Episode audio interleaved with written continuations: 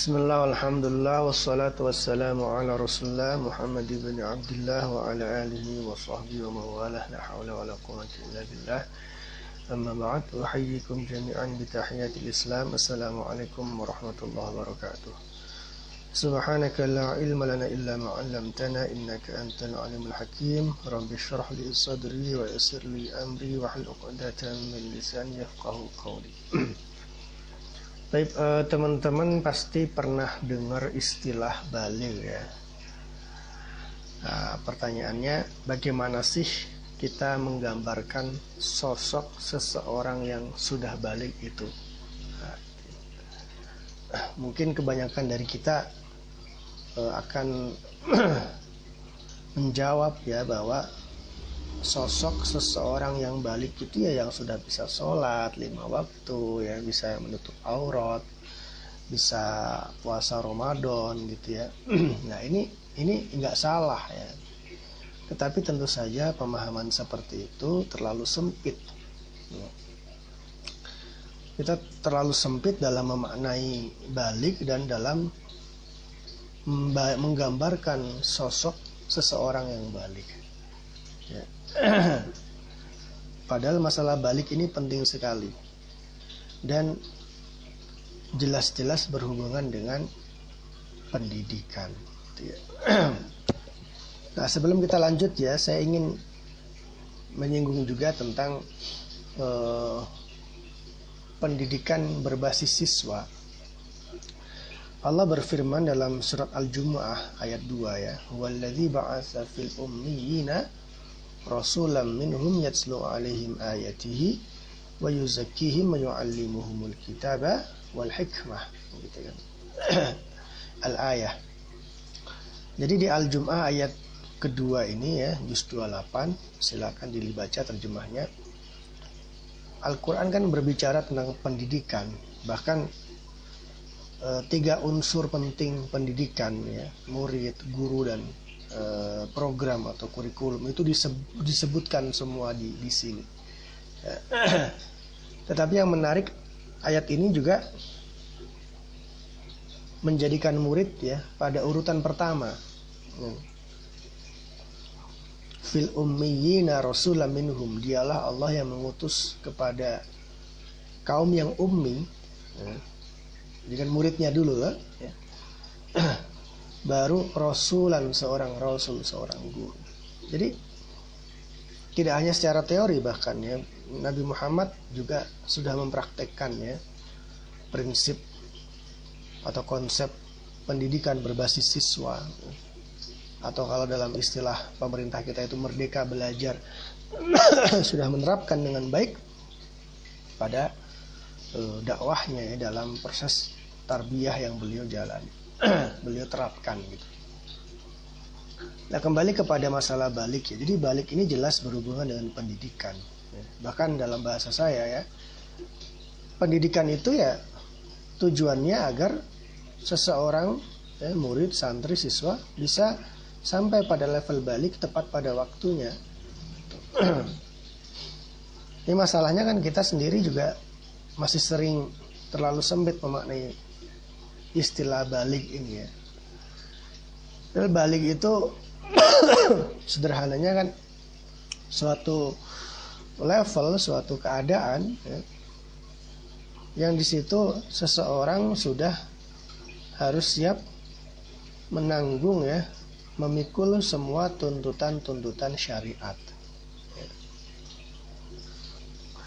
Makanya tidak hanya sholat, tidak hanya puasa Ramadan, tidak hanya e, menutup aurat, ya.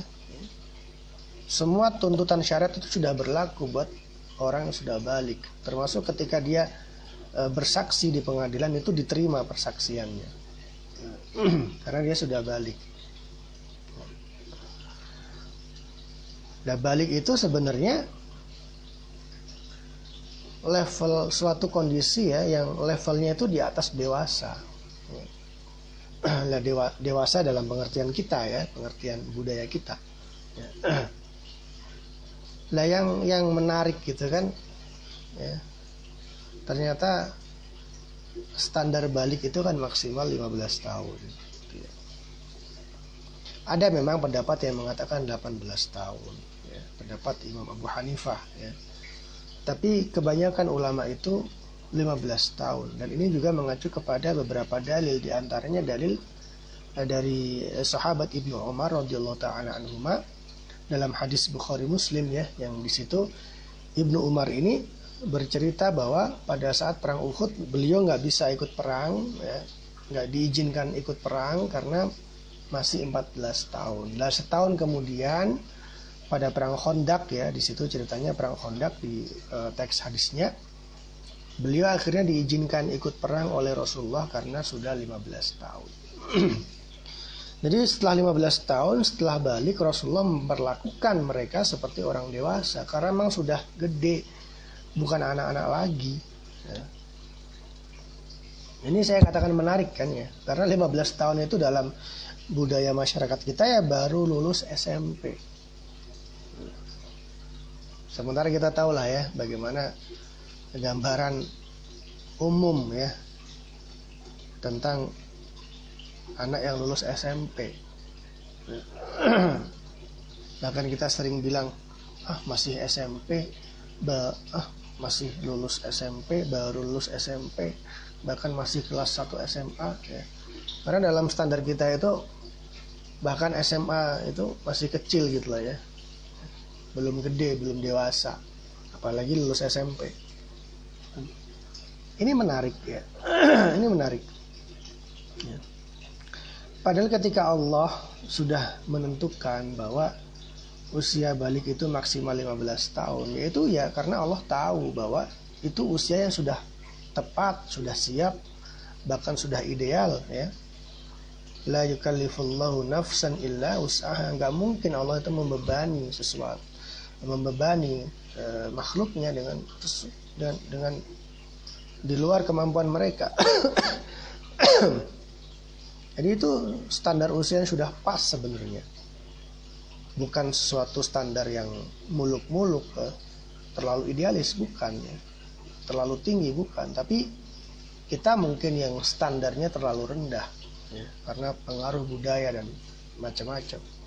Jadi 15 tahun itu standar yang yang cukup sebenarnya. Makanya kan ulama-ulama dahulu itu kan Eh, lima tahun sudah hafal Quran gitu ya 10 tahun hafal Quran ya, Muhammad Al-Fatih gitu kan ya 20 tahun atau 21 tahun sudah membebaskan Konstantinopel ya. sahabat Usamah bin Zaid ya 16 tahun atau 19 tahun itu memimpin pasukan perang dan ditunjuk oleh Rasulullah SAW ya. karena apa? Karena mereka uh, apa namanya paham betul makna balik ya. ya. Mereka sadar bahwa ketika mereka sampai pada usia 15 tahun, mereka itu sudah harus menjadi sosok yang dewasa, ya. yang bisa diandalkan, sudah matang. Ya. Mereka sudah menjadi orang yang mereka harus sudah harus menjadi orang yang balik, gitu ya.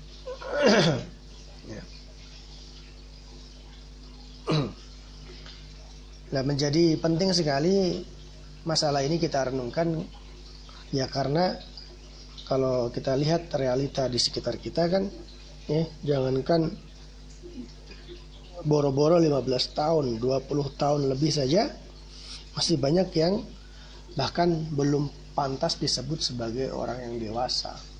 Apalagi balik kan begitu ya. Nah, ini tentu saja tidak terlepas dari proses pendidikan yang mereka jalani dan mereka terima. Artinya kenapa banyak sekali anak-anak muda yang bahkan usia 20 tahun lebih belum dewasa, belum balik ya. Belum balik. Ya, itu karena mereka tidak dididik untuk siap ya. Untuk bisa pada level itu tepat pada waktunya.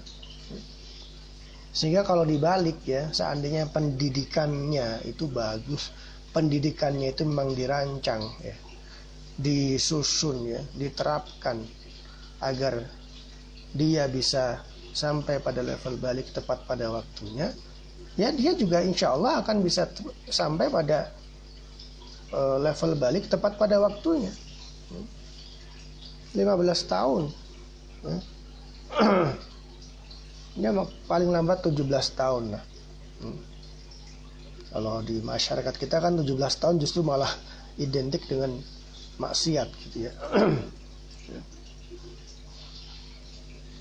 sehingga ya sehingga kesimpulan berikutnya ya kita harus jujur mengakui ya kita nggak bisa atau sulit lah ya, membimbing generasi uh, muslim ya generasi kita menjadi orang yang balik ya tepat pada waktunya kalau kita mengandalkan metode dan kurikulum-kurikulum pendidikan yang ada sekarang yang banyak dipraktekkan susah ya. susah hmm. tapi inilah justru menjadi peluang dakwah ya. bahan perenungan bahan kajian ya. yang perlu kita eh, apa namanya kita pikirkan kita ikhtiarkan ya. kita perjuangkan ya. ya bagaimana kita merumuskan suatu program pendidikan, ya, menjalankan suatu proses pendidikan yang dengannya setiap anak itu bisa sampai pada level balik tepat pada waktunya. ya tentu saja secara umum pasti berbeda sekali lah ya dengan eh, praktek-praktek uh, pendidikan yang ada gitu ya. Tetapi sebenarnya ada beberapa sarana yang sederhana yang bisa kita uh, gunakan ya. Contoh seperti belajar berorganisasi ya.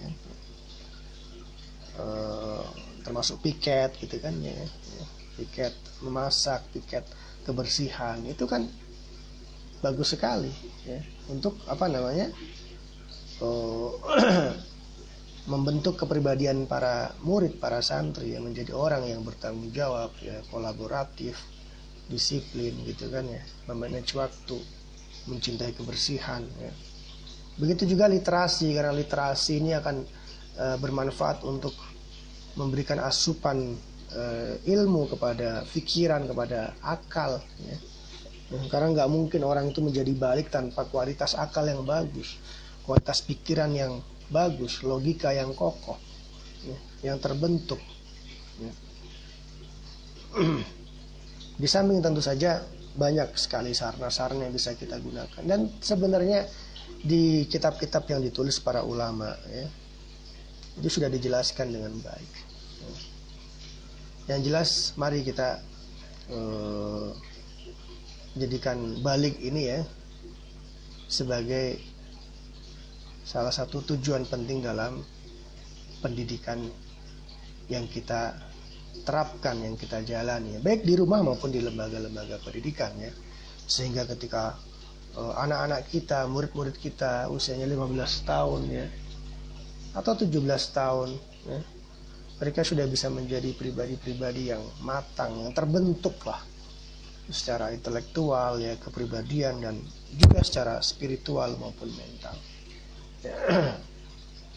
itu barangkali ya sharing saya pada serial cahaya kali ini ya. Kurang lebihnya mohon maaf. Aku qouli hadza wa wa wassalamualaikum warahmatullahi wabarakatuh.